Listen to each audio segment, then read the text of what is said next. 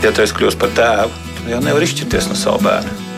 Pat ja tu pa viņu neliecies neziņas, tu vienalga esi tēvs. Mēs tiekamies ģimenes studijā.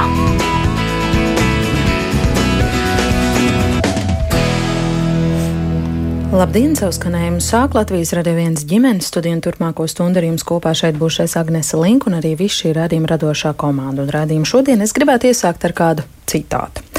Īpašo bērnu ģimenēs palīdzība vajadzīga ne tikai vecākiem, bet arī brāļiem un māsām. Tā ir ļoti svarīga.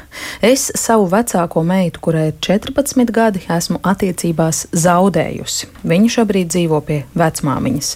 Vecāki nepamana citu bērnu bailes no sava īpašā brāļa vai māsas, nepamana, ka viņiem vajag vairāk uzmanības, un tad šie bērni vairs to neprasa. Ārkārtīgi svarīgas būtu terapijas valstiskā mērogā.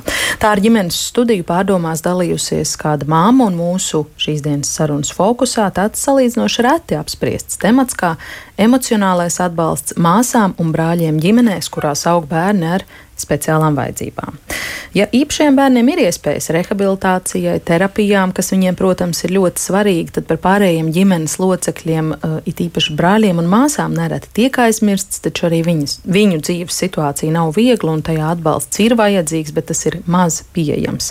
Kā tad neatstāt novārtā šos bērnus, kas un kādēļ viņiem vispār ir nepieciešams par to sarunu šodien ģimenes studijā, kā vienmēr jūs klausītāji esat laipni aicinātai pievienoties ar kādiem saviem pieredzes stāstiem, viedokļiem, jautājumiem vai komentāriem. Ja tāda rodas, sūtiet mums ziņas no Latvijas radio mājaslapas, bet ģimenes studijā šodien sveicinu Velku biedrības dibinātāju Lijānu Velka. Labdien! Certificēta mākslas terapeite Laura Danilāne. Labdien! Un telefoniski ar ģimenes studiju kopā arī labdarības organizācijas palīdzēsim LV vadītāja Ilze Skuja. Labdien, Ilze! Uh, tur mazliet sveicināt, bet ir nedaudz kļūda, jo es esmu Simona Rīnska. Es arī esmu viena no projekta veidotājām un certificēta mākslas terapeite. Jā, labdien, Simona, arī jums. Es nepagūvu jūs vēl pieteikt. Deju un kustības terapeite Simona Rīnska, tā tad iepazīstināja okay. pati ar sevi, bet arī uh, Ilze Skūja no Palīdzēsim LV, es ceru, mūs dzird Ilze, jā? Ja? Jā, dzirdu, labdien. Jā, tā tad esam četratā kopā. Uh, es sākšu ar jautājumu jums visām, kā jūs katra tādā savā profesionālajā pozīcijā darbojoties, redzat un izjūtat to, ka īpašo bērnu ģimenēs īpaša uh, uzmanība un īpašs uh, atbalsts ir nepieciešams arī šo bērnu brāļiem un māsām, vai jūs tam piekristu un, un kāpēc.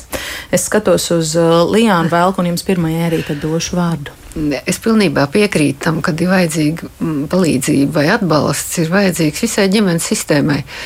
Un, ja ir brāļi un māsas, tad mm, loģiski tas sanāk tā, ka mm, katram bērnam, katrs, kas ir jaunākais bērns, tam ir vairāk uzmanības, un bērns, kam ir speciālās vajadzības, tam, tam jau vairāk prasa uzmanību. Arī nesoties visiem šiem atbalsta nu, pakalpojumam, pieejamu atbalstu. Nekad jau nebūs tā, ka būs gan atbalsta īpašam bērnam, bet tas, ka brāļi un māsas, kas ir ģimenē, paliek tā kā otrā plānā tas nu, ir gan tiesa. Un, un cik jauki ir dzirdēt un redzēt, ka uh, ir beidzot ar viņiem arī kaut kas labs mm. noticis. Tas ir tā kā pašsaprotami, bet tāpat laikā tas nav īsti pareizi un atbalstām.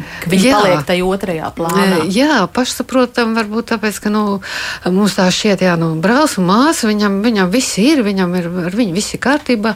Nu, ko tad tur vairāk, vai ne? Bet uh, viņam ir tāpat šis emocionālais sloks tik liels, redzot, ka viņa ģimenē bērns ar speciālām vajadzībām, uh, kad ir vajadzīgs arī šim bērnam vai šiem bērniem arī dot šo iespēju saprast, kas ar viņiem notiek, kāpēc ar viņiem tā notiek, kā notiek, un, un palīdzēt arī vecākiem redzēt šo problēmu. Mm. Jau laikus, jau tāpat kā ar bērnu, kam ir speciālās vajadzības. Jāsāk strādāt tad, kad viņš ir maziņš, un tāpat ar šo problēmu. Ar, tā nav problēma, tā ir, tā, tā ir dzīve.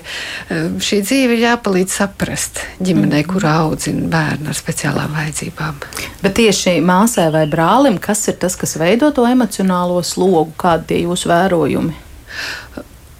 Šis bērns ar speciālām vajadzībām vispirms jau vecāku uzmanību kā, mm, eh, nedod, nedod šo iespēju tik daudz vecākam būt kopā ar brāli un māsu, un arī līdzcilvēku attieksme. Eh, ir tā, kas nu, sabiedrības attieksme kopējā tomēr ir tā, kas, ja man ir mm, brālis vai māsa ar speciālām vajadzībām, tad man kā bērnam, eh, kas pieder šai ģimenes sistēmai, ir, ir tomēr vēl papildus sloks būt sabiedrībā. Mm. Ilze Skuja no Palīdzēsim LV jums grib dot vārdu, turpināt Lijānas iesākto teikto. Kā jūs atbildētu uz jautājumu, kāpēc īpašo bērnu ģimenēs īpaša uzmanība ir vajadzīga arī brāļiem un māsām?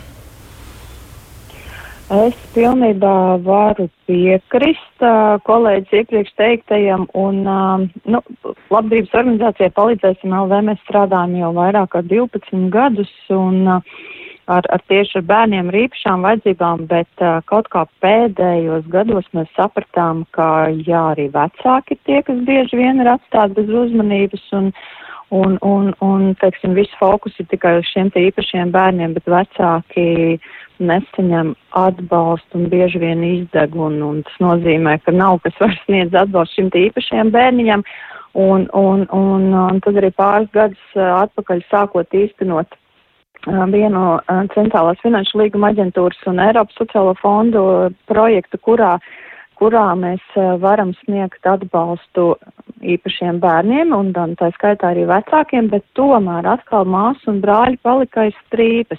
Un tad, kad mēs jautājām labklājības ministrijai, kādēļ arī, arī nevarētu tikt iekļauti šie brāļi un māsas, nu, tā kā tika norādīts uz to, ka jā, nu, šī, šī ir tāda jauna ideja, un par to iepriekš neviens nebija iedomājies, ka tā taču ir ģimene kopumā, un īstenībā ģimenei kopumā ir ļoti, ļoti svarīgs šis te, šis te atbalsts. Un, protams, tās pieredzes ir dažādas, ne visur var teikt, ka ir vienāda un vienādas ģimenes, un, un, un varbūt lielāka problemātika arī ir ģimenēs, kuras nav, nav, nav nav pilnas, teiksim, kur ir tikai mamma, vai, vai savukārt ir arī ģimenes, kuras nesaņem šim te otriem vai trešajam bērniņam, jo ir īpašais bērniņš, kurš prasa rūpes.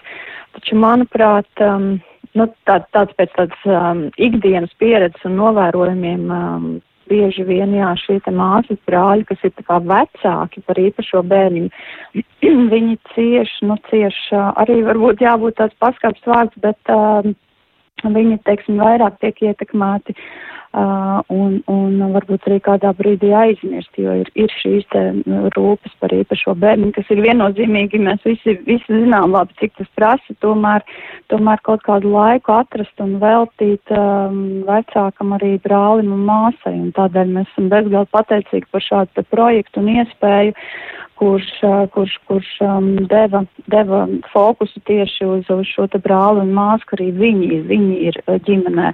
Un, un to, ko mēs vēl redzam, ka viņiem arī būtiski ir satikties savā starpā šiem te brāļiem un māsām, lai viņi redzētu, ka, hei, manā ģimenē nav tikai tā. Tad ir arī citas ģimenes, kurās aug, aug šie te citādie varbūt nedaudz bērniņi. Tas, ko Ilze pieminēja savā teiktajā, projekts ir eh, projekts ar nosaukumu Radīsim eh, tiltus eh, kopā, un par to mums tuvāk varēs pastāstīt gan Laura Danilāna, gan arī Simona Rīnska. Jūs abas esat viena mākslas terapeita, otra de, deju un kustības terapeita, vai jūs varat pastāstīt, kas jūs noveda pie darba ar īpašo bērnu brāļiem, māsām, mammām? Kā tas noritēja? Jā, Kā nu, tas sākās? Mm -hmm. Tas sākās tīri no tādas praktiskās pieredzes un saskaršanās darba vidē ar, ar ģimenēm, kurās aug kāds īpašais bērniņš. Tas vērsa mūsu uzmanību uz to, ka šis atbalsts būtu nepieciešams arī brāļiem, māsām un arī, jā, arī vecākiem, ģimenē kopumā. Un, tādēļ radās ideja par šādu uh, projektu, kurā varētu tikt sniegts atbalsts ģimenei. Jāmin arī, ka projekts ir starptautiska mēroga. Uh, jā, tas tiek finansiāli atbalstīts no Ziemeļvalstu un Baltijas valstu NVO programmas. Un, uh, Un, tātad mums ir iesaistīti kolēģi no Dānijas, kas veic tādu pētniecisko projekta daļu. Tad ir Lietuvas kolēģi, jo Lietuvā arī notika grupā mamām, deju un kustību terapijas grupa. Un Latvijā tā tad notika desmit, grup, desmit sesijas. Tā tad viena grupa bija mamām, un otra grupa bija brāļiem un māsām. Mm. Deju un kustību terapijas grupa mamām un mākslas terapijas grupa brāļiem un māsām. Mm -hmm. nu, kādi tie Lauri jūsu secinājumi tad ar brāļiem un māsām mākslas terapijas nodarbībās strādājot? Jā, nu mēs ļoti daudz tieši darbā ar bērniem uzsvaru likām uz emocijām, jo tas, kas šiem bērniem ir tās emocijas, ir diezgan daudz, un viņas ir arī tādas pretrunīgas iekšēji. Jo, jo šie bērni, arī ja mēs skatāmies tādā vidē, nu, ģimenē, viņiem ir tā sajūta, ka viņiem arī gribās būt īpašiem. Bet tur jau ir kāds nu, savā ziņā īpašāks bērns ar speciālām vajadzībām. Un savukārt tādā vidē, kas ir ārpus skolas, ārpus mājām, ja, kas varētu būt skola, tur savukārt viņi ļoti vēlas būt tādi paši kā vispārējie. Bet arī tas zināmā mērā nav iespējams, jo viņi nāk no atšķirīgas ģimenes, mm. kā lielākoties klases biedri. Nu, jā, tad, tas ir tas, kas rada gan tādu satraukumu viņos, gan arī satraukumu par dažādām emocijām, kuras viņi piedzīvo gan mājās, gan skolā. Un, jā, kā, kā iepriekš Ilza minēja, tā piederība grupai vai piederība tādiem līdzīgiem bērniem. Es domāju, bija viens no šīs terapijas grupas arī tādiem mērķiem, tā kā, ka viņi var miedarboties, sajusties sadzirdēti, saklausīti un arī saprast tos, kas ir līdzīgā situācijā. Mm -hmm. Vai jums ir vai radās kāds nu, padoms, tāds secinājuma kopums, kaut kāda ceļmaize, ko iedot tālāk šiem bērniem, viņu, viņu mamām varbūt? Jo nu, projekts mm -hmm. sākās, tad tas ritēja, tagad tas beidzās. Jā, tā kā noslēdzoties projekta praktiskajai daļai, jā, es arī tikos ar, ar, ar katru bērnu atsevišķi individuāli un viņa mammu. Mm. Un tad mēs arī pārunājām, jā, kas ir tās lietas, ko viņi varētu mainīt, varbūt arī tādā ikdienā. Un reizēm patiešām šim īpašiem brālim vai māsai varbūt nevajag nemaz tik ļoti daudz. Bet uh, varbūt tas ir jā, 10, 15 minūtes dienā, bet uh, svarīgi tāda, ka tas ir tikai viņa laiks, vai, vai mamma tajā brīdī vērš savu uzmanību tikai un vienīgi uz, uh, uz brāli vai māsu. Jā. Mm.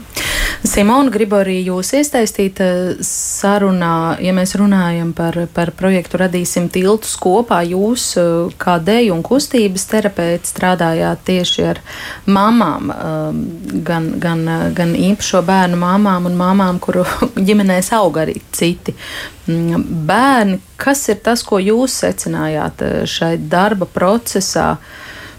Ko viņas eh, nodejoja no sevis nost, vai cik grūti vai viegli tas nāca? Kādi jūsu vērojumi? Jā, nu, vispirms jāsaka, ka tā kopīgā sajūta bija ārkārtīgi liels sirds siltums un tāda vienkāršība un patiesums, kas bija jūtams jau pašā sākumā šajā grupā, bet tai pašā laikā, sākot strādāt, mēs um, ātri sajūtām, ka patiesībā ir ļoti, ļoti daudz emociju, ir uh, dziļas sēras arī, kas tiek piedzīvotas uh, par šo te veselo bērnu. Un uh, tā ir ļoti tāda mm, apjukums par, par savām vajadzībām. Un tā bija ļoti svarīga tēma, bija arī savu vajadzību apzināšanās. Un, um, protams, ķermenis tas arī zin, tieši tāpat ir, ir, ir, ir šī te vajadzību mm, spektrs un Un šeit arī ja, tas, tas arī uzrādīja ļoti liels grūtības novilkt šīs te robežas starp sevi un citiem, vai tā dzīvošanu citu dzīvi. Nu, lūk, tās bija tās, tās tēmas, un pamatā tas tomēr bija šis te atbalsts, emocionālais atbalsts un nu, tāda pieņemšana, pieņemšana, šī citādā, atšķirīgā pieņemšana. Kāpēc jūs minējāt, ir sēras par veselo bērnu? Uh, nu, te es gribēju tādu, tādu um, uh, domājot par to, ka uh, bērns, kas iet īpašais bērns, ir tas, kuram ir kaut kāda veida grūtības un kas, kam, kas ir visu laiku vai nu kopjams, vai nu tam ir tam tiek veltīta milzīga uzmanība, taču tur ir šis te tēls par šo veselo bērnu, kāds tas būtu, ja tas būtu piedzimis bez šīm grūtībām. Un tad ir šīs sēras par šo veselo, par šo veselo bērnu, kas patiesībā tiek visu laiku izdzīvots. Skumjas. Nu jā, protams, situācijas dažādās ģimenēs atšķiras, bet uh, nav jau brīnums, ka vecāku resursi pamanīt, atbalstīt, sadalīt savu uzmanību visiem bērniem līdzvērtīgi ir ļoti ierobežot. Nu, ko no vecākiem vispār šajā situācijā, jūsuprāt, var, uh, var prasīt un gaidīt?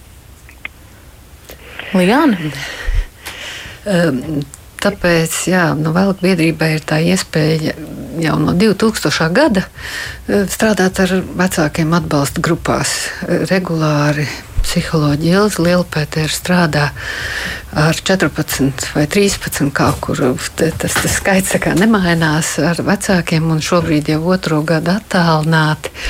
Un brīnumainā kārtā vecāki joprojām piedalās arī attālināti. Kaut, kaut gan nu, darbs attālināt ar emocijām ir diezgan sarežģīts nu, šis, šī kopā būšana, jā, kā iepriekš teica, jau kad darbs grupā, darbs grupai, kur, kur grupa var cits citam uzticēt to, ko nu, nav jau laika saprast. Arī nav. Mēs, mēs katrs savus lietas diezgan, diezgan jau grūti tiekam ar visu galā šai, šai situācijās. Un, un ģimenē, kur aug bērns ar speciālām vajadzībām, vecākiem nav tā iespēja dalīties tik bieži ar, ar kādu, kas viņu saprot. Tāpēc ir labi arī, jā, ka te runa ir par brāļiem un māsām, tāpat kā vecākiem, kad ir, ir šīs grupas, šī, šī grupu iespēja. Un ir labi arī projekti, bet nu, tam vajadzētu būt tādam regulāram, regulāram pakalpojumam, un, un kamēr nu, valsts līdz tam vēl iet, tikmēr labi, ka nevalstiskās organizācijas katra savu mērķa grupu kaut kā mēģina atbalstīt un palīdzēt. Šād, rada to vidi, kur vecāki var satikties un, un dalīties ar lietām un tiem jautājumiem, kurus viņi citkārt un citviet nespētu risināt. Mm. Vai šajās sarunu grupās, vai, vai, vai jūs zinat, vai arī tur parādās kādas vecāku bažas vai pārdomas uh, tur pārunātajā par to, kā iet maniem pārējiem bērniem? Jā, parādās, un, un diemžēl parādās arī dažkārt par vēlu. Kad eh, tas jau ir, kad ir jau problēma tik sāsinājusies, vai tie jautājumi ir jau ieguvuši tādu skarbu risinājumu, tad par to vecāku uzdrīkstās runāt. Un šis arī tas atbalsta grupu fenomens ir, ka dzirdot citam citu, varbūt tas, kurš neuzdrīkstās runāt par šo lietu atklāti, vai kuram varbūt nemaz vēl nav ienācis prātā, dzirdot citu stāstus, var sākt domāt par lietām var sākt domāt par šo brāļu māsu arī jautājumu, kas notiek ar maniem citiem bērniem. Vai ar maniem visiem bērniem? Mm. Lijāna saka, dažkārt var būt eh, jau par vēlu. Tas laikam ir tā kā tajā manis raidījuma ievadā lasītajā citātā, kur mamma teica, jā, es savu vecāko meitu, kurai, kurai ir tagad pusauģu vecums, ar viņu attiecības esmu zaudējusi. Viņa pat vairs nedzīvo ar mums, Ilze, vai arī jūsu redzeslokā šādi stāsti? Jā, un diezgan bieži, un, un tāpēc man šķiet, ka laikam jā, tas varbūt bērns, kas ir pirms šī īpašā bērniņa, viņš vēl paspilgtināk jū, jū, jūt šo te tomēr tādu, um, nu, nu, nu, pamestības, varbūt pat izjūtu, jo nu, mēs jau zinām, ka arī ot otrais, trešais bērns ienākot ģimenē ir jādala šī uzmanība tomēr, un īpaši, ja viņš ir vēl pusaudzis, tad par pusauģiem mums ir vairāk stāsti, jā, kur mammas jūt, ka kaut kādā brīdī ir tas bērns iz, iz, iz, izskrējis un vairs viņi ir ļoti, ļoti grūti atdabūt atpakaļ uz kaut kādu komunikāciju vai sadarbību un, un atgriezt šo te, šo te uzmanību, jo mums, piemēram, bija viena meitene, mm, kur arī ir māsa īpašam brālītim, un, un tad, kad es prasīju, nu, kas ir tāds, tāds nu, ko, ko tu gribētu darīt kopā, vai kas tev būtu mīļākā nodarbe, viņa teica, es gribu tikai ar māmu aizbraukt un paēst suši. Un, un nu, tas jau arī ir jā, tas Lauras pieminētais mazas lietas, varbūt uh, mazas niecīgas, kas ir kā ikdienišķas, bet, uh, bet nu atcerēties un nepiemirst. Tā kā man šķiet uh, tas ļoti būtiski un svarīgi. Un, bet, uh, protams, ka vecākam ir grūti vienmēr atrast laiku un sabalansēt savu gan laiku, gan, gan resursus īstenībā. Un, uh, Un, un tādēļ, tādēļ man šķiet būtu ļoti labi, jā, kā jau arī Lijāna minēja, valstiskā līmenī pievērš šim te uzmanību un sniegt atbalstu ne tikai īpašiem bērniem, bet visai ģimenei kopumā. Nu jā, un ja mēs runājam par brāļiem un māsām, tad man tagad uh, formulējās galvā jautājums par to, jo, jo par šo var divos veidos runāt. Atbalsts no vecākiem, uzmanība no vecākiem, īpašais laiks no vecākiem. Mhm. Bet, bet tad ir tas otrs atzars, vai tas ir arī atbalsts no malas, vai tā ir eh, terapija, vai tās ir nodarbības, vai tās ir kaut kādas aktivitātes, kas ir tieši nu, viņiem, kas nebūtu kaut kas uz vecāku pleciem vēl. Mm -hmm. Jā, es domāju, ka pilnīgi noteikti tas ir tas, kas kā, viņiem būtu palīdzoši. Un, un klausoties iepriekšējos runātājus, man arī ienāca prātā tā doma par to, kā bērns, ja mēs sākam ar to, ka bērns ģimenes sistēmā, viņš redz, cik daudz rūpes vecākiem paņem un prasa speciālā brāļa jā, aprūpe vai, vai, vai tā ikdiena. Un, uh, bieži vien bērni pieņem tādu savu, šie brāļi, māsas, tādu savu to taktiku, kā viņš šajā ģimenes sistēmā izdzīvos. Un bieži vien šī taktika ir, kad vecākiem jau tā ir grūti, tāpēc ar mani viss ir kārtībā. Un, uh, viņi tā kā paši sevi zināmā veidā arī māna par to, eh, cik daudz viņi tad vispār var prasīt no vecākiem. Vai viņi vispār var vecākam rādīt, ka viņi ir dusmīgi, bēdīgi, vēl kaut kā nu, tā, mm -hmm. ne, kas ir pieņemts. Varbūt, eh, nu, ka vecākam tad būs vēl grūtāk ar to, ka, ja man ir problēma un es iešu ar problēmu pie vecāka, es apgrūtināšu vecāku vēl vairāk, ja viņam jau tā ir grūti. Un tāpēc man šķiet, atgriežoties pie jautājuma, tāda atbalsta grupas arī šiem brāļiem un māsām, arī būtu tā vieta, kur viņi varētu iet un runāt par šīm savām grūtībām, un iespējams tas būtu iedrošinoši viņiem pēc tam arī vērsties atpakaļ pie vecākiem mm. par to, kas ir tās viņu vajadzības. Mm. Nu jā, līdz zināmam vecumam mm. bērnam tā apzināti. Mm nezinu, sasēsties aplī un runāt par mm -hmm. savām grūtībām, tas tā nenotiek. Jūs ar bērniem zīmējāt, kas bija tajos viņu darbos? Jā, kā jau minēju, daudz strādājām ar dažādām emocijām, un, un arī paši bērni ienes uh, emocijas. Tur bija diezgan daudz, gan bailes, uh, gan dusmas, gan arī satraukums. Un, un tieši mākslas terapijā tie vizuālie materiāli ir tie, kas ļauj to vizualizēt. Jā, un tur reizēm nav nepieciešams kā, to izrunāt vai izstāstīt, bet ir tā iespēja to tā kā parādīt ar citiem, citiem līdzekļiem. Mm -hmm. Un tiešām šie grupā radītie darbi e, daži bija ļoti, ļoti spilgti. Es domāju, ka arī jebkurš no, no skatītājiem tos ieraugot, varētu sajust to, mm -hmm. kas, ir, e, kas ir šajos bērnos. Jā. Nu, bet, ja es lūgtu jūs paraksturot, kas bija tas, ko viņi attēloja, ko viņi zīmēja, vai tas ir iespējams? Tā man, tad, tad man jā, jā, jāapdomājās. Mm -hmm. Jā, uh, Simona, varbūt jūs klausoties kolēģei, kamēr Laura, kā saka, apdomājas, varat vēl ko piebilst? Jā, es tagad domāju par to, kas, kas notika vecāku grupā un, un tieši saistībā ar, ar šo te ķermeņa pieredzi. Uh, jo, jo patiesi tas kontakts bija visai sarežģīti nodibināms ar savu, ar savu ķermeni. Un, uh, un, un es pieņemu, ka arī tas varētu būt līdzīgi arī bērnu grupā, jo es arī dzirdēju par šo tam lielajām pretrunām iekšējām, jo tādas es arī pieredzēju arī vecāku grupām. Un kas ir tas, kā, kā deju, kā kustība terapijā šādas iekšējās pretrunas izpaužas?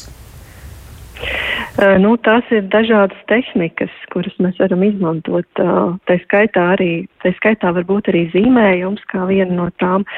Mēs varam šīs pretrunas iemiesot, padarīt redzamas, kādas tās izskatās, kādi tēli rodās, rodās par to domājot. Jā, piemēram, varbūt tā ir tumša istaba un skaļa, skaļa vieta, kur, kur ir daudz cilvēki. Nu, tie ir tie tēli, kas nāk prātā pirmie. Jā. Vai tas ir sasprindzinājums un atslābums, piemēram, ķermeniski? Mm. Vēl, Žesti. vēl, vēl mm. Lijānai un Ilzai gribu vaicāt šajā klausoties, vai jums nāk prātā, nu, Kas ir vēl tās formas, tās atbalsta formas vai veidi, kas eh, īpašo bērnu brāļiem vai māsām varētu būt noderīgas, kamēr viņi ir eh, vēl bērni? Nu, kad tiešām nevar sanākt atbalsta grupā, varbūt kopā un runāties.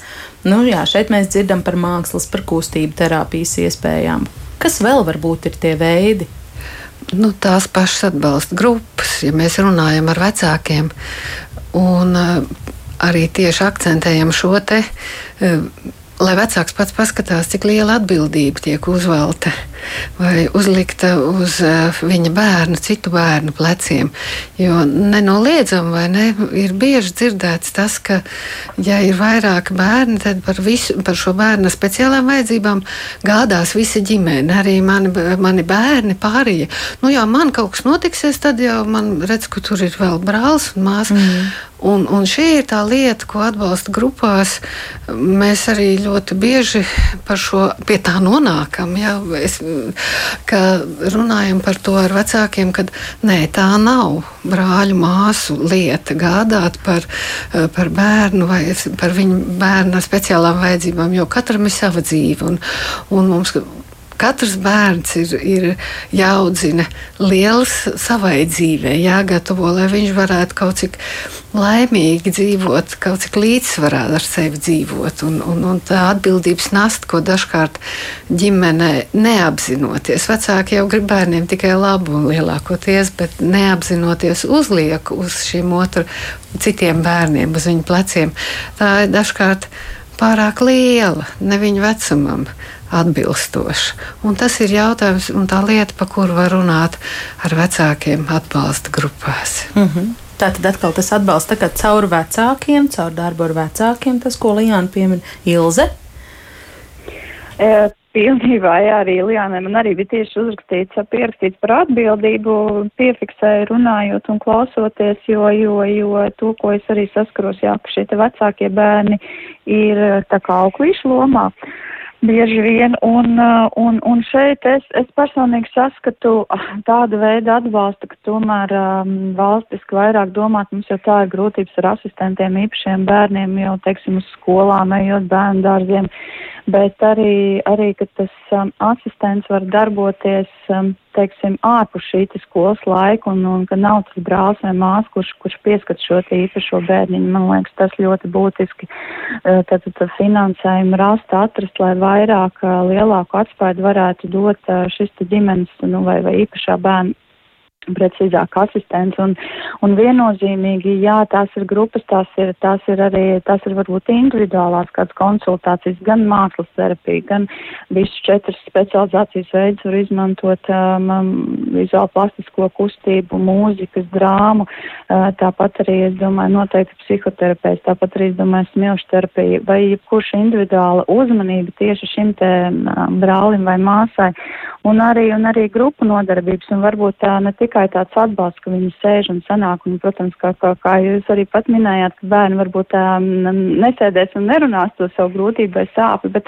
kaut vai uh, kopā būšana šajās te grupās un vai arī ģimeņu kopā būšana, neizdalīt, kur ir kaut kādi vai projekti vai aktivitātes, no ar ko mēs esam saskāršies ikdienā vairāk ir projekti vērsti tikai uz to te īpašo bērnu, bet kopā ģimenē, lai, lai šis atbalsts būtu kopīgs visai, visai ģimenē. Tas noteikti arī vieno visu ģimeni kopā, to es pārliecinājusies noteikti vairāk kārt arī, piemēram, vasaras nometnes, lai viņas nav domāts tikai īpašam bērnam, bet, bet, bet kopā visai ģimenē, lai visi kopā ģimene var braukt un iegūt, un tās varbūt atsevišķi nodarbības, tā neizskaitā vecākiem, brāļiem, māsām, īpašiem bērniem, un tajā pat laikā kopīgās kaut kādas sadarbību un miedarbību veicinošanas aktivitātes vai nodarbības, respektīvi neatdalīt to īpašo bērnu, ka viņš ir tāds prioritārs, bet visi ģimene kopā darbojas, un, un tā, tāpat laikā protams, mēģināt sadalīt to uzmanību kaut kā vienādi.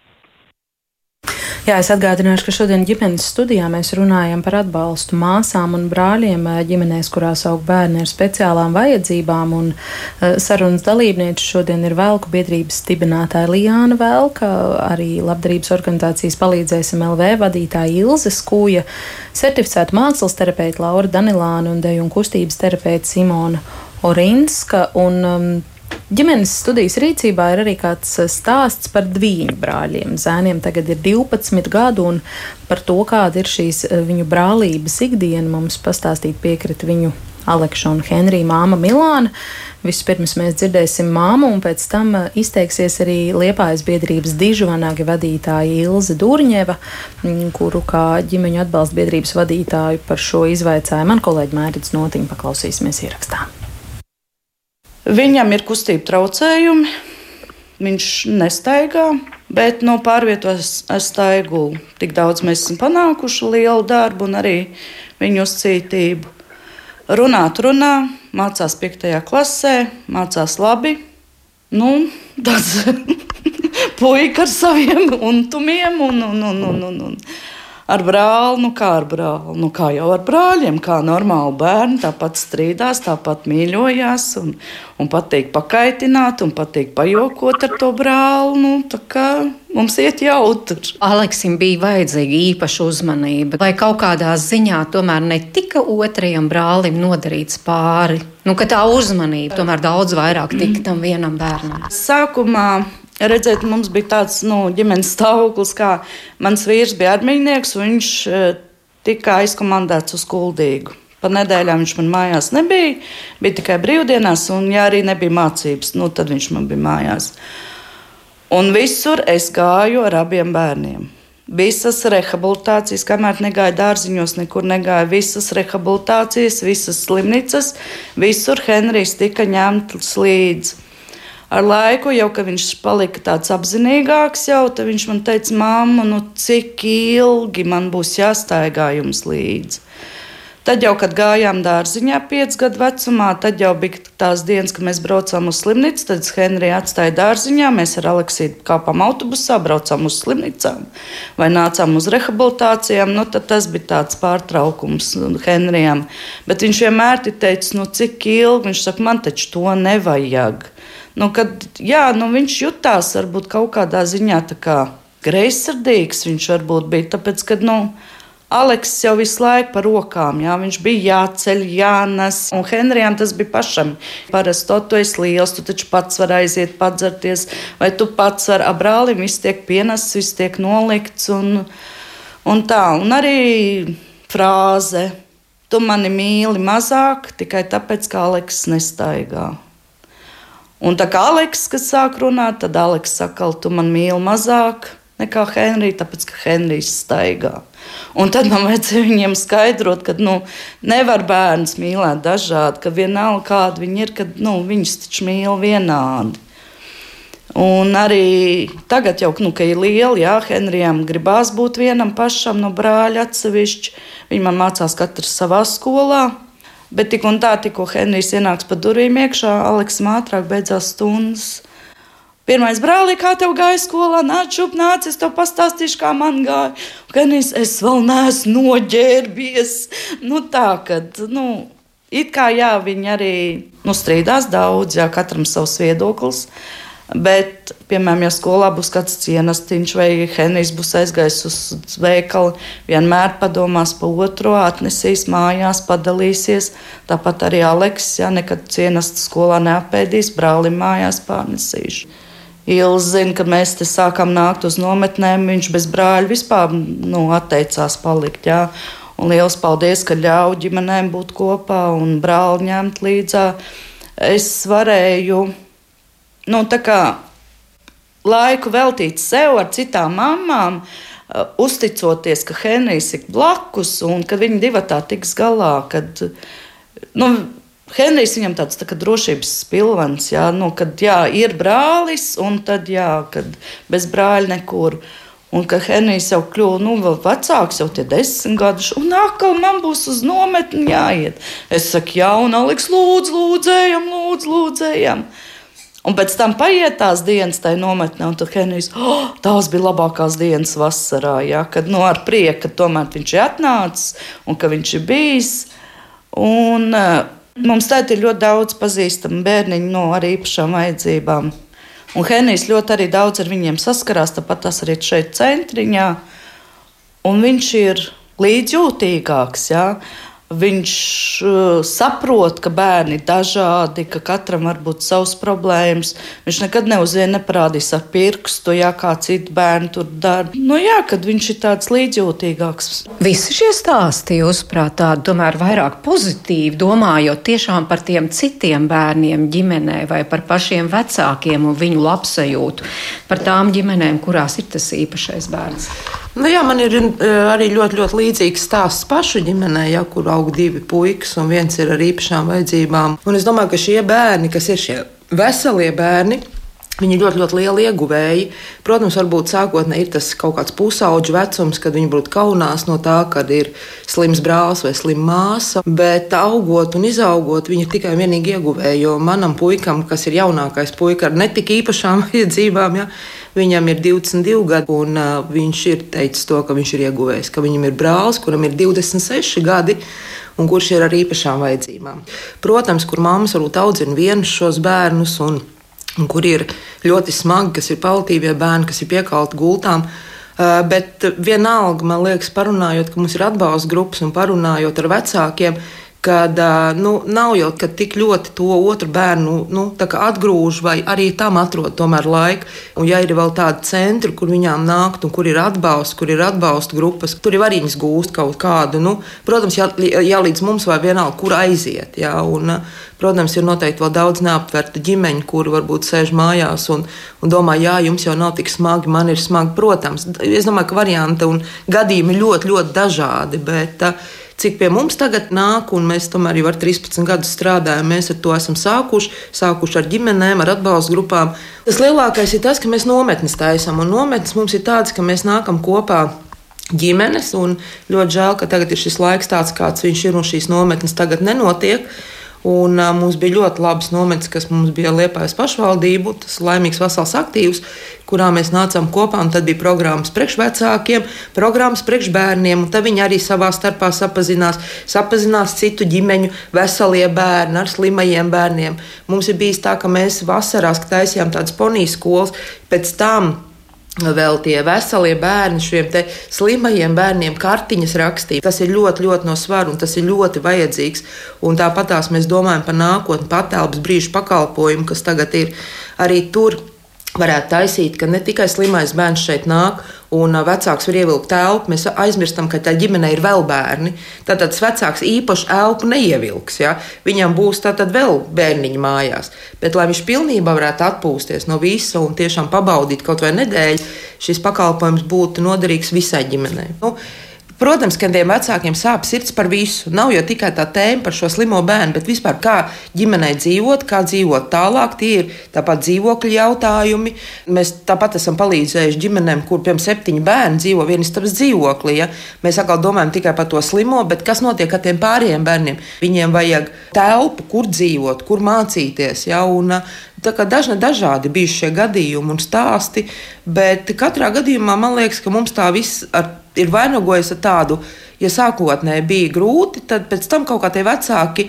Viņi smaida, viņi atplaukst. Nu, es nezinu, es neesmu nevienu vecāku šeit redzējusi, kuram te, nu, ai, nākam, nākam, bet tomēr nu, jēga tam bezmaz vai nav nekāda. Jā.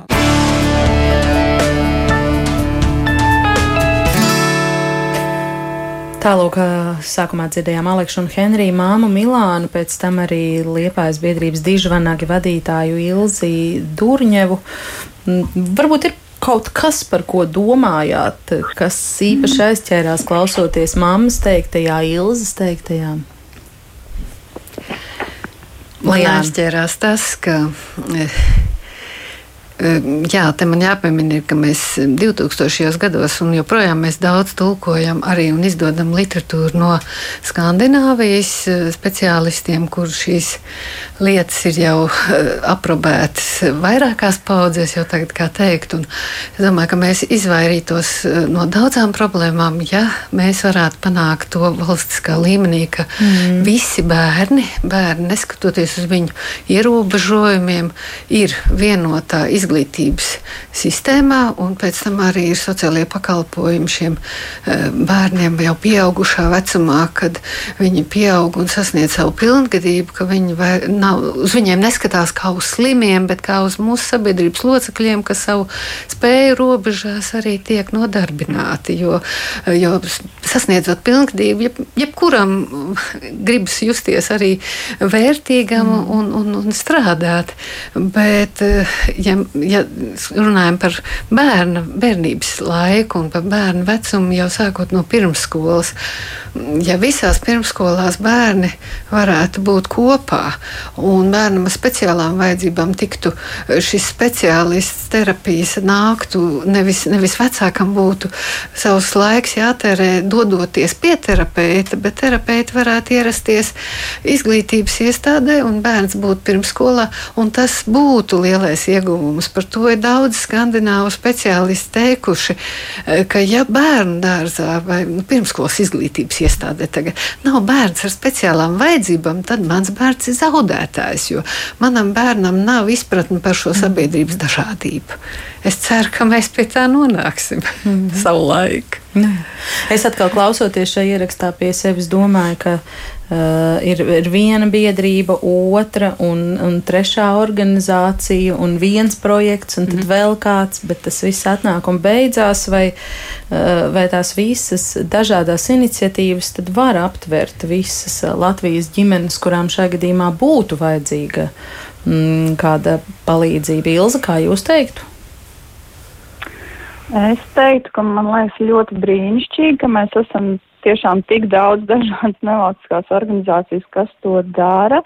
Un, nu, mums, teiksim, palīdzēsim LV tā, ka arī noslēdzoties kādam projektam, nav tā, ka mēs šķiramies ar šo ģimeni vai, vai, vai konkrēto bērnu vai mammu. Mēs ar viņiem turpinām sadarbību un mēs atkal meklējam veidus, kā viņus atbalstīt. Un, protams, ka varbūt tas ir tāds, nu, viens tāds, nezinu, mūsu kaut kāds mūsu organizācijas burbulis, bet esam mēs, ir dižvanagi, ir vēl kāds vairākas, vairākas organizācijas un kas varbūt viena kurzemē, viena vairāk Rīgā darbojās. Un, manuprāt, šis, šis strādā un, un, un arī darbojas. Protams, ka ļoti ir atkarīgs no paša vecāka, vai viņš uzdrīkstās, uzdrīkstās uh, uh, sameklēt šo te grupu, šo te atbalstu palūgt, jo, jo, jo, jo vēl tai mammai, nu vairāk, vairāk par mamām runājot, vai vispār vecākiem ir jānonāk. Uh, jā, nu, jāizaug, jānobriest līdz tam uh, arī savā ziņā tāda drosme sevi jāatrod un spēks, lai, lai, uh, lai lūgtu šo te atbalstu vai lai sameklētu šo te atbalsta grupu vai nevalstisko organizāciju vai, vai terapeitu, kurš var sniegt atbalstu. Tam arī ir nepieciešams diezgan liels resurs, jo, jo es redzu, kā ir pie mums, ka tās mammas, kuras pirmo reizi atnāk, vai ka viņas vienu otru īstenībā arī pamudina meklēt šo te atbalstu vai pie terapeita vai kādā nevalstiskajā organizācijā. Um, tas ir ļoti, ļoti būtiski un svarīgi. Un, um, manuprāt, protams, tas nenotiek varbūt tādos lielos apmēros un uzreiz, bet tomēr ar, ar laiku, ar laiku viss notiek. Un uh, vismaz mēs personīgi, nu, es arī domāju, ka jebkura no organizācijām, kas ir jau ilgstoši strādā, visas viņas strādā ilgspējīgi un visas strādā ar tādu jēgpilnu. Nu, tas nav tikai beidzās projekts un tad mēs šķiramies un, un, un viss nekas vairs tālāk nenotiek.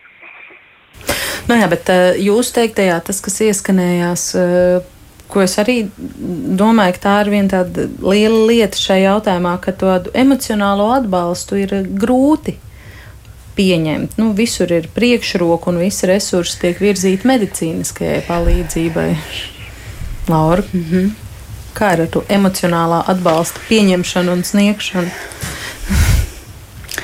nu, es domāju, ka. Uh, ka tas noteikti ir nepieciešams un, un vajadzīgs, lai ir šādas mm. vietas, kur šo emocionālo atbalstu saņemt. Un, un arī droši vien tas, ka jo vairāk par to vispār runās un par to runās sabiedrībā, man prieks, ka par to jau runā vairāk, jo vairāk arī par to vispār aizdomāsies un pieņems, ka ka jā, ka tas ir normāli, ka mm. tāpat vai ne kā aiziet pavingrināt muskuļus, ir, ir jāparūpēs arī par savu garīgo veselību.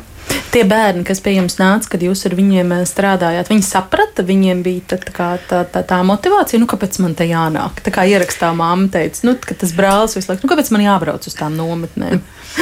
Nu, man šķiet, ka grupās tieši bērni bija tādā lielā sajūsmā par to, ka viņi varēs paši kaut ko izvēlēties un noteikt. Nu, mēs devām tādu brīvu mākslas materiālu mm. izvēli. Bet un, kāpēc es šeit esmu? Viņiem arī bija skaidrs. Jā, mēs runājām jau tā kā pašā sākumā mm -hmm. par to, kāpēc viņi šeit ir. Viņi arī dalījās par to, kas, kas tad. Uh, kas tad ir viņa ģimenē īpašais brālis vai māsa vai jaunāks vai vecāks, un nedaudz arī pieskārās tam, kādas ir grūtības, kā viņi kā izjūt to esot ģimenē. Bet es teiktu, ka tā tālākā grupas gaita vairāk liecināja par tādu fokusu uz sevi, mm -hmm. un ka viņi patiesībā katrs lieliski mm -hmm. paņēma to uzmanību uz, uz to, mm. kas viņi ir un kā viņi var būt tajā terapijas telpā. Ka viņi var paši noteikt, kādu materiālu viņi paņems, izvēlēties, cik lielu lapu viņi vēlas un radīt to mākslas darbu bez tādiem nosacījumiem, kā tas ir jādara. Un šo brīvības daļu viņi ļoti izbaudīja un to mm. to, ka viņi paši varēja būt noteicēji par situāciju, kurā viņi bija. Mm. Simon, par ko jūs eh, domājāt, klausoties eh, mammas teiktajā ierakstā? Jā, nu, vairāk Vairākas lietas uh, nāca prātā, es domāju, par, par šiem te sociālajiem aspektiem neapšaubām ļoti svarīgajiem, jo tieši par šo skolu sistēmu un kā bērns tiek integrēts, vai arī, nu, kāda šis te, šī sadarbība arī ar skolu administrāciju un skolotājiem, man liekas, tas arī būtu tāds viens um, jautājumu loks. Arī, dzen, par šo te pieņemšanu, jā, un, un kas varētu veicināt šo te uh, nu, ka mēs esam tādi dažādi un, un, un, un šo te, jā, šajā sabiedrībā, un, un ne, tikai, ne tikai bērni, bet, bet arī, es domāju, tas var, skat, var skatīties uz to plašāk, es domāju, arī vispār emigranti, citas rases cilvēki un tā tālāk. Um, nu, un tad trešā lieta, par ko es domāju, jā, par šo emocionālu atbalstu, uh, jā, ka vēl ar vienu daļā sabiedrības ir vēl ar vienu vēl tādas bailes par to, nu, kā tas ir, es iešu pie psihologa vai pie kāda, vai pie kāda vēl psihoterapeita un kā tas ir, un es taču neesmu, man, ar man taču viss tā kā kārtībā, bet tieši tā kā Laura teica, jā, ka tas ir, tas ir, tas ir pilnīgi normāli arī parūpēties par savām emocijām un savu emocionālo labizjūtu. Protams, Un mums ir vēl kāds ieraksts, ko ģimenes eh, studijai eh, šim raidījumam uzticēja biedrība Dižvanāgi. Tas ir kāda brāļa un kādas māsas stāsts par to, kā viņi sadzīvo. Sadzīvo ar savu tuvo, eh, sava brāļa un savas māsas slimību. Mēs paklausīsimies arī šajā ierakstā. Nu, kā jaunāk mēs bijām, tad jau īsti kas nemainījās. Bet tagad, kad mēs esam vecāki augam, tad var saprast, ka viņam vajag vairāk pievērst uzmanību, palīdzēt kaut ko vairāk darīt. Piemēram, viņam kaut ko paprasīt, viņš, kaut kur iet, apstājās, aizdomājās, iepakomendē, lai viņš iet tālāk. Piemēram, viņam paprasa, citreiz atnes to un to, viņš atnes pilnīgi kaut ko citu. Nu, Citreiz aizteik mūsu mākslas, piemēram, pie datoriem, kas mums ļoti nepatīk, ka viņš to dara. Nu, nu, tā viņš pieiet klāt, viņš tur sāk eh, zīst pa to pelīti klaviatūru. Tad nu, vienkārši spiest visu kaut ko ātri. Tad es viņiem biju uzbļāvis. Dažreiz staigājot, man tāda mazāk bērna atskatās uz Marijas. Nu, man tas īsti netraucē. Vai tev bieži nākas sastapties ar situācijām, kad tev citi cilvēki jautā par māsu? Kāpēc viņa ir citādāka? Pašā sākumā, kad tur viss atklājās, tad jau, protams, bija cilvēki, kas jautāja, bet es pārsvarā tieši pie Dunkas pa savu pīļu dīķi arī paros, tāpēc cilvēki jau zina. Tāpēc nu, man nav baigi daudz, nekas tā jāstāsta. Vai tu zini, kas notiek ar māsu? Nu, paliek sliktāk, un ir jārēķinās, ka nu, kādā brīdī viņi varētu arī nebūt. Tāda ir tā realitāte. Tāpēc nu, to es tā esmu pieņēmusi. Kā tev ir ar to sadzīvot? Jā, godīgi. Viegli jau droši vien, ka nav. Bet nu, es vienkārši esmu tā pieņēmusi. Kā ir, tā ir. Ne jau viss var būt ideāli, tāpēc kā būs, tā būs. Ko tu jūti, kas jūsu ģimenē mainījās? Kā bija pirms māsas saslimšanas un kā ir pēc tam? Nu, iepriekš es visu laiku biju jaunākā, un tad pēkšņi otrā plānā. Tur, piemēram, nebija tik viegli sarunāties arī ar pārējiem, bet nu, tas tā. Pārējiem ģimenē vai? Jā, nu, es jūtu, ka es neesmu šobrīd nu, tas, kam baigi pievērsīs tur uzmanību. Tāpēc tas tā nebija patīkami, bet tas jau pašsaprotami. Nu, no sākuma jau bija forši ka bija viss kārtībā, nu, tad jau nebija nekādas ne greizsirdība, nekas tāds. Es pat nācu arī kaut ko tur čubināties, bet pēc tam palika ar vien grūtāk un grūtāk, un es arī pati nesapratu, kas notiek. Un pārējiem arī, protams, bija tāda nesaprašana, nu, kas pa vainu ir. Attiecīgi, es tikai jutos ik pa brīdim arī nu, nevajadzīgi. Es neuzskatu, ka man ir baigā saistībā ar to nu, visu zāles slimību. Nu, teorētiski jau, protams, ka ir saistība, bet es vienkārši tos nu, sev tā kā, nu, neteiksim, sargāju, bet varbūt sargāju. Un tā baigi arī nesanāk ielaisties. Man ir pašai savs tās intereses, un tad es kaut ko ik pa laikam, es nezinu, uztaisu kaut ko ēst, pāēd, aiziet pagulēt. Nu, ej staigāties kaut kādos vienos pa nakti, paskrien.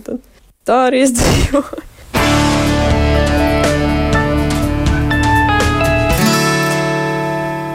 Jā, nu šķiet, ka arī šis ieraksts atspoguļo to, cik uh, dažādi mēs esam un skatījumi var būt dažādi, bet uh, laikam var tikai minēt, ko tas nozīmē dzīvot ar šādu apziņu. Manai māsai vai brālim paliek sliktāk, un varbūt jārēķinās, ka kādu dienu viņa vai viņas var arī nebūt. Ja ir burtiski pa teikumiņam, laiks vēl atļauj jums pateikt, ja ir vēl kāds sakāmais, bet ļoti īsi.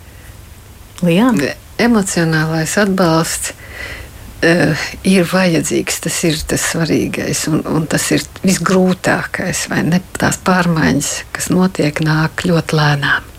Pie tā mums, lai visiem būtu spēks to saprast un vērsties pēc palīdzības. Es varbūt vēl noslēgšu ar kādas eh, mammas eh, klausītājas Ilzas rakstīto. Viņa saka, jā, ka Velku biedrības pārstāvja ļoti labi noraksturo iemeslus, kāpēc brāļiem un māsām vajadzētu sniegt atbalstu un palīdzību. Pat mums, kā vecākiem, ir grūti saņemt psiholoģisko palīdzību, lai neizdegtu un kaut kas atliktu, ko veltīt vecākajai meitai pienācīgā apmērā. Un jā, jau ar autisku bērnu ir krietni izaicinoši būt sabiedrībā kā vecākiem, bet vēl jau ir māsa, kuru it nemaz negribas apdalīt vai pakļaut spriedzēji, īpaši tagad, kad viņai ir pusauģa gadi. Paldies par sarunu ģimenes studijā. Es šodien saku Lijānai, Velkai, Ilzei, Skujai, Laurai, Danilānai un Simonai Orinskai par raidījumu tapšanu. Šodien rūpējās Rita Kārnača, Ilza Zvaigznes, Nāganesa Linka, ar to arī ģimenes studiju šodien izskan, un mēs no jums atvadāmies. Kā vienmēr varu tikai mudināt klausieties mūsu podkāstos un sekojiet ģimenes studijas kontiem visās populārākajās eh, sociālo tīklu vietnēs, Facebook un Instagram uz tikšanos un uz sadzirdēšanos. Paldies!